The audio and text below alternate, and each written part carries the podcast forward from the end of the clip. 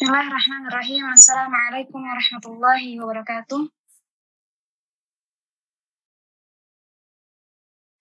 إن الحمد لله نحمده ونستعينه ونستغفره ونعوذ بالله من شرور أنفسنا ومن سيئات أعمالنا.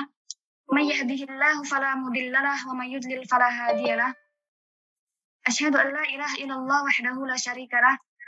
وأشهد أن محمدا عبده ورسوله. لا نبي ولا رسول بعده. أما بعد قال الله عز وجل في كتابه الكريم يرفع الله الذين آمنوا منكم والذين أوتوا العلم درجات Akhwati, saudariku yang dirahmati Allah Subhanahu wa taala, rekan-rekan, saudari-saudari yang saya muliakan, semoga kita sama-sama dilimpahkan rahmat, dimuliakan dan terus diberi petunjuk oleh Allah Subhanahu wa taala.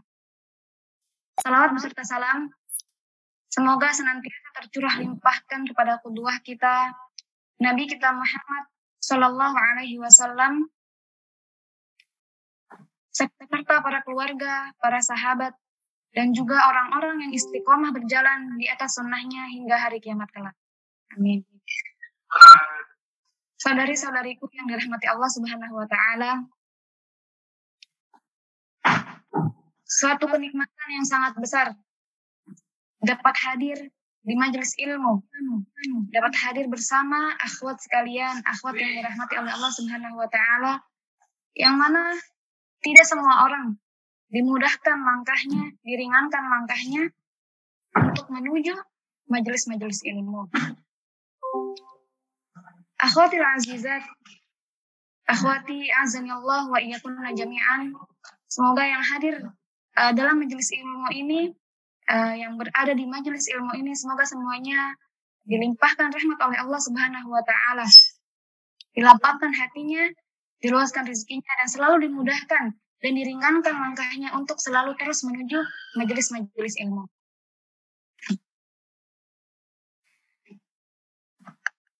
Baik, pada sore hari ini kita akan berbicara tentang tema yang sangat luar biasa, tema yang sangat besar, tema yang sangat penting untuk kita bahas, akan tetapi yang uh, menyedihkan saat ini sudah banyak orang-orang yang melupakan tema ini, yang yang mulai melangkahkan kakinya pergi untuk meninggalkan hal yang sangat penting ini. Kita akan berbicara tentang akhlak, tentang adab, tentang hal yang sangat penting yang harus kita ketahui. Akhwatil azizat,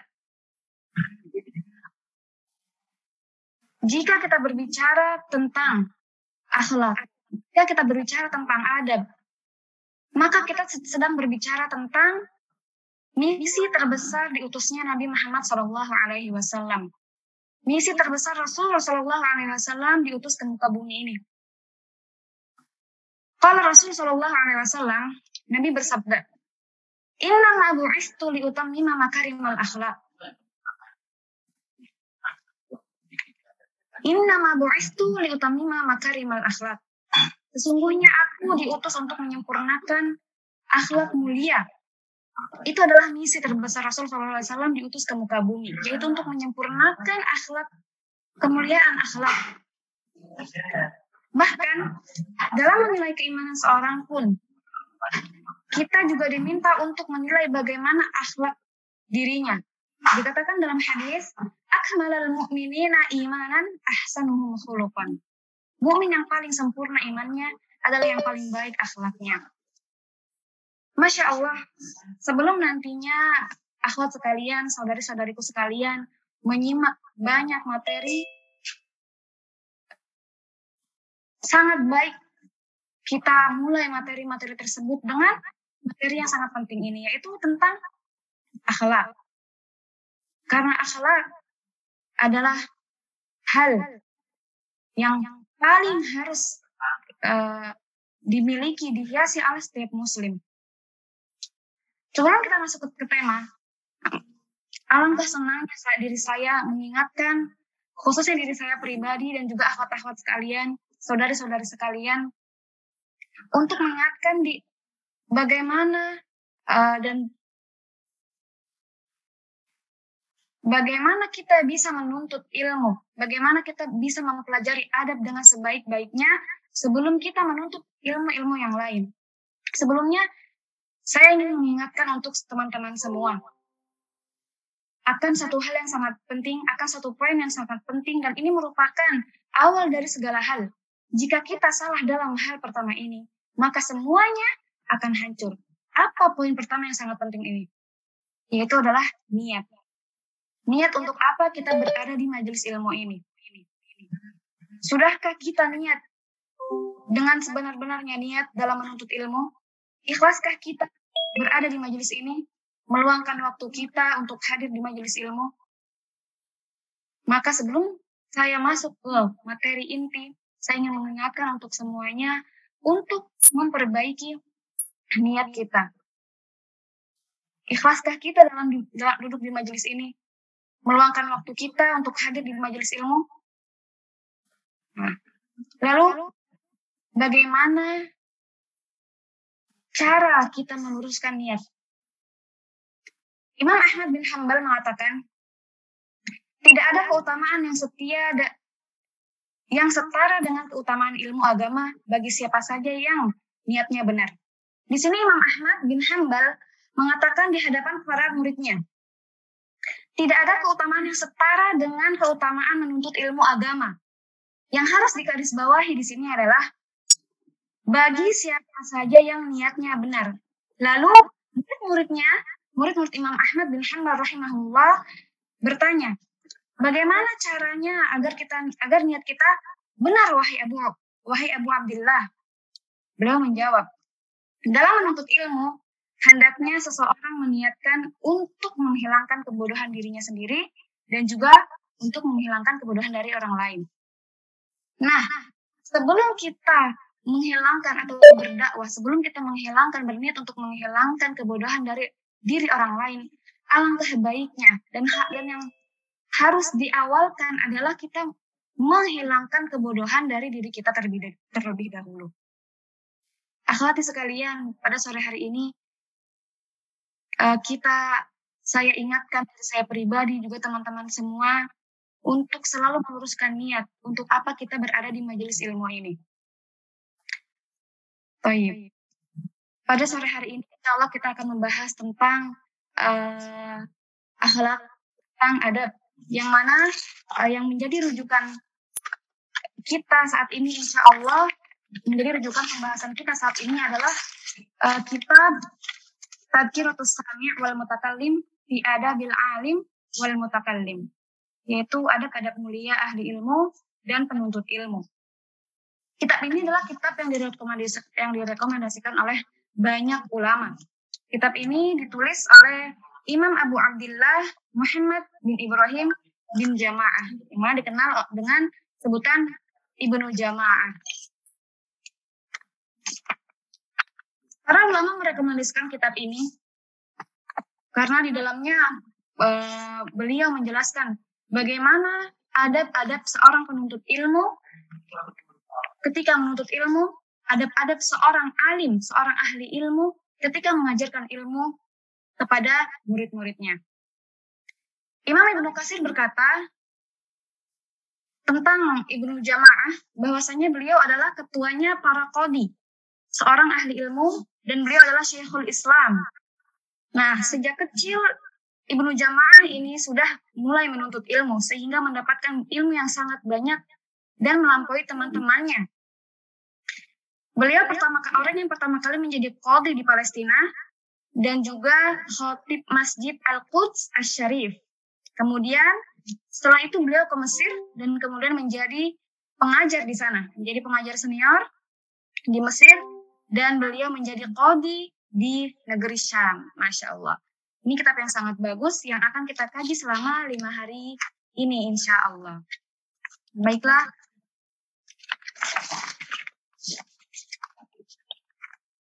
Sebagaimana yang sudah saya jelaskan sebelumnya, bahwasanya akhlak adalah hal yang sangat penting, yang sudah banyak orang mulai melupakannya. Para ulama kita terdahulu Beli mereka berlomba-lomba mempelajari adab sebelum mereka mempelajari ilmu. Imam Malik, ibunya Imam Malik rahimahullah, pada saat itu beliau salah satu wanita yang sangat-sangat memperhatikan ilmu agama terutama.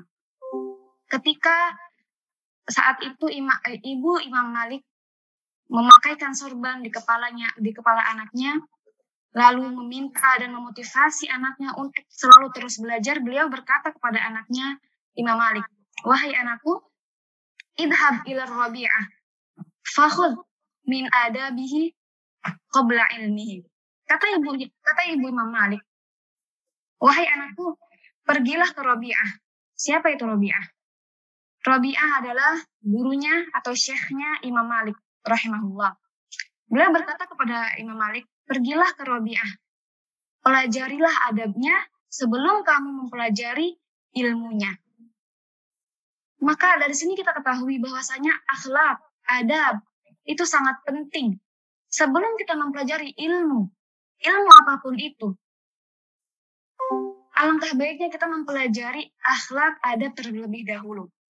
Pada saat ini kita selalu melihat, kita sering melihat berapa banyak orang yang berlomba-lomba mencari ilmu, berlomba-lomba mempelajari ilmu-ilmu apa pun itu. Akan tetapi, sudahkah kita lihat berapa banyak orang-orang yang yang berlomba-lomba untuk mempelajari adab sebelum mempelajari ilmu? Hal yang sangat menyedihkan. Banyak orang pintar, tapi sangat sedikit orang yang berakhlak. Banyak orang yang cerdas, tapi sangat sedikit orang yang beradab. Padahal, jika kita buka lembaran-lembaran ulama kita terdahulu, kita ketika kita melihat sedikit aja bagaimana mereka menuntut, bagaimana mereka mempelajari ilmu, mempelajari adab sebelum mempelajari ilmu. Salah satu sunnah yang telah ditinggalkan Salah satu sunnah yang telah dilupakan oleh banyak orang adalah al-adab qabla al-ilm. Adab sebelum ilmu. Semua orang, hampir semua orang yang kita temui, mereka lebih mementingkan ilmu daripada adab. Padahal, orang yang berilmu tidak menjamin dia beradab. Akan tetapi, ketika kita telah beradab, ketika kita memiliki akhlak yang mulia, akan beda halnya dengan orang-orang yang berilmu, akan tetapi tidak memiliki akhlak dan adab. Berapa banyak orang yang mengejar ilmu, tapi melupakan adab. Berapa banyak orang yang berlomba-lomba menuntut ilmu, akan tetapi melupakan akhlak. Bagaimana beradab di depan gurunya, bagaimana beradab eh, di depan kitab-kitabnya, bagaimana beradab dengan teman-temannya di majelis ilmu. Bagaimana beradab ketika kita ada di majelis ilmu. Banyak, sangat banyak orang yang melupakan hal ini. Bahkan dengan sengaja meninggalkannya. Wal'ayatubillah. Saudari-saudariku yang dirahmati Allah subhanahu wa ta'ala. Semoga yang hadir pada saat ini tidak akan pernah melupakan betapa pentingnya akhlak qoblal ilm betapa pentingnya mempelajari adab sebelum mempelajari ilmu. Dalam kitab ini, Ibnu Sirin mengatakan, Qala Ibnu Sirin, kanu yata'allamuna al-hadiya kama yata'allamuna al-ilm. Kanu yata'allamuna al-hadiya kama yata'allamuna al-ilm. Ibnu Sirin berkata, dahulu Ulama salah mempelajari akhlak dan adab seperti mereka mempelajari ilmu. Saat ini kita hanya menyaksikan orang-orang yang mempelajari ilmu dan melupakan adab. Jarang kita ketemu, jarang kita temui orang-orang yang sebelum mereka mempelajari ilmu-ilmu, mereka pelajari dulu adab. Itu sangat jarang. Maka sebelum kita memulai materi-materi Selanjutnya, sebelum kita memulai materi-materi yang sangat penting, kita dahulukan mempelajari tentang akhlak dan adab. Dalam perkataan lain disebutkan Habib bin Syahid kepada putranya. Ada yang tahu siapa itu Habib bin Syahid? Beliau adalah ulama besar di Basrah. Beliau berkata kepada putranya. Siapa nama putranya? Putranya bernama Ibrahim. Beliau berkata kepada putranya, Wahai anakku, bersahabatlah dengan fukoha dan ulama ambillah dari mereka adab mereka. Karena sesungguhnya itu lebih saya cintai dari mengambil banyaknya hadis. Masya Allah. Ambil adab dulu. Pelajari adab dahulu sebelum menghafal banyak hadis. Belum berkata kepada putranya, hafalanmu, banyaknya hafalanmu akan hadis-hadis. Itu tidak lebih saya sukai daripada bagusnya adabmu bagusnya akhlakmu. Kenapa? Karena akhlak sangat penting. Sangat disayangkan oleh orang yang berilmu tapi tidak berakhlak. Sangat disayangkan orang yang pintar tapi tidak beradab. Yang kita yang kita uh, saksikan sekarang banyak yang tidak memperhatikan akhlak, banyak yang tidak memperhatikan adab. Sebagaimana yang dikatakan Ibnu Sirin, Dahulu ulama salaf mempelajari akhlak dan adab seperti mereka mempelajari ilmu. Sekarang sebaliknya. Orang yang mempelajari ilmu tapi melupakan adab. Nah, di sini serupa perkataan dengan perkataan Abdullah bin Mubarak yang mana beliau mengatakan kanu yatlubun al-adab qabla al-ilm. Apa yang artinya? Para salaf mereka mempelajari adab, mempelajari akhlak dari masyayikh, dari para ulama, daripada dari para guru-guru mereka, mereka mempelajari adabnya sebelum mereka mempelajari ilmu-ilmunya. Akhwatil azizat, umat ini tidak akan pernah baik kecuali dengan resep yang membuat umat terdahulu baik. Umat ini tidak akan pernah baik kecuali dengan resep yang membuat para sahabat, para tabi'in, para tabi'ut tabi'in baik.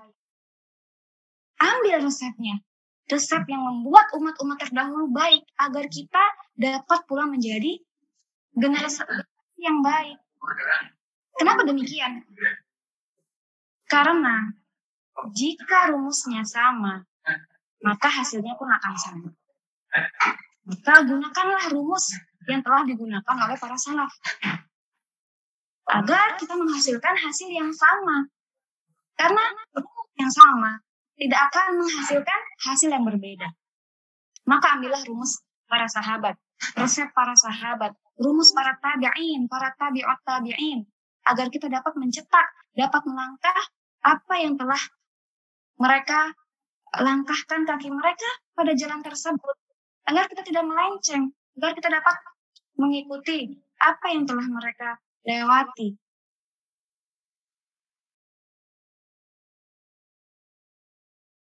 Dan metode inilah yang mereka gunakan. Metode ya, mendahulukan akhlak sebelum ilmu. Inilah metode mereka dalam berhijrah. Metode mereka dalam menuntut ilmu. Ilmu agama terutama. Dan ternyata ya akhwati fillah, ternyata mereka metode ini telah mereka pupuk dari kecil. Mereka membangun dan membentuk generasi, membentuk anak-anak mereka dengan konsep ini. Berkata uh, Makhlad bin Al-Husain kepada Ibnu Mubarak, beliau berkata, ya Bunai, Beliau berkata, Nahnu ila kathirin minal adab ahwaju minna ila kathirin minal hadis. Kata Mahfud bin Al-Husain kepada Ibnu Mubarak, sungguh kami lebih membutuhkan banyak adab dari banyaknya hadis. Masya Allah. Kami lebih membutuhkan banyaknya adab dari banyaknya hadis. Bagaimana para salaf? Kita melihat bagaimana para salaf mendahulukan akhlak sebelum mendahulukan belajar, uh, belajar ilmu-ilmu yang lain. Bagaimana mereka mengkonsepkan metode-metode ini kepada anak-anak mereka yang mana Habib bin Syahid tadi berkata kepada putranya, Wahai anakku, bersahabatlah dengan para fuqaha dan ulama. Ambillah dari mereka adab mereka, karena sesungguhnya itu lebih saya cintai dari mengambil banyaknya hadis. Masya Allah. Kalau sekarang, kadang kita melihat anak kecil ketika melakukan kesalahan, mencoret-coret dinding tetang, rumah tetangga misalnya. Apa yang kita katakan? Gak apa-apa, dia masih kecil. Ntar juga kalau udah gede dia paham. Ini yang sekarang kita ajarkan kepada anak-anak kita. Ulama salaf berbeda. Ketika anak-anak mereka masih sangat kecil, masih sangat belia, mereka sudah diajarkan ini tidak baik, jangan lakukan ini. Kalau kita kadang kita malah mengatakan nggak apa-apa anak kecil, nanti kalau udah dewasa mereka akan paham. Jangan sampai perkataan kita menghasilkan atau membuahkan hal-hal yang kita tidak inginkan ketika kita dewasa nanti. Jangan salah, para orang tua itu akan dimintai pertanggungjawaban akan adab anak-anaknya.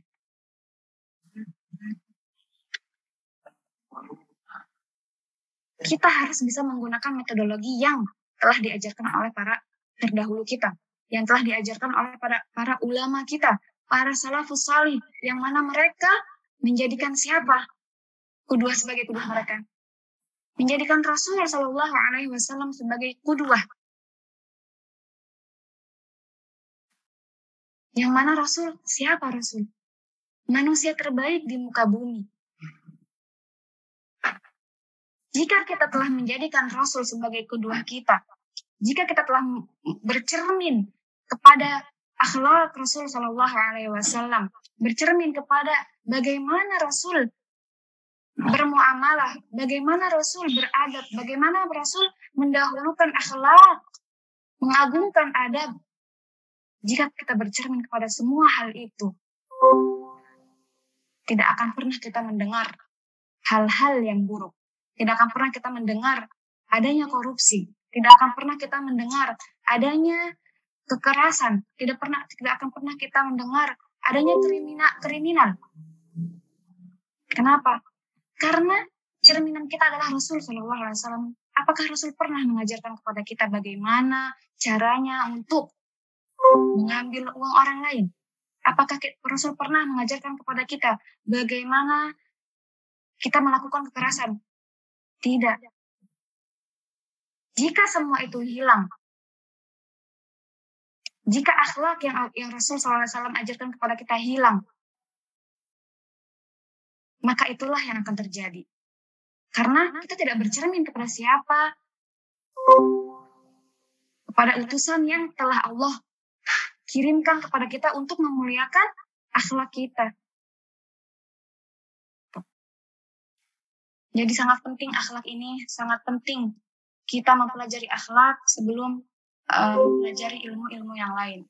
Maka sangat baik uh, materi ini didahulukan sebelum kita semua mengambil materi-materi yang lain yang tidak kalah pentingnya dari materi ini. Maka kita awali, saya ingatkan diri saya pribadi untuk selalu memperbaiki akhlak, adab,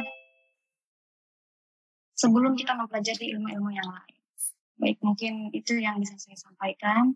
Kurang dan lebihnya saya mohon maaf.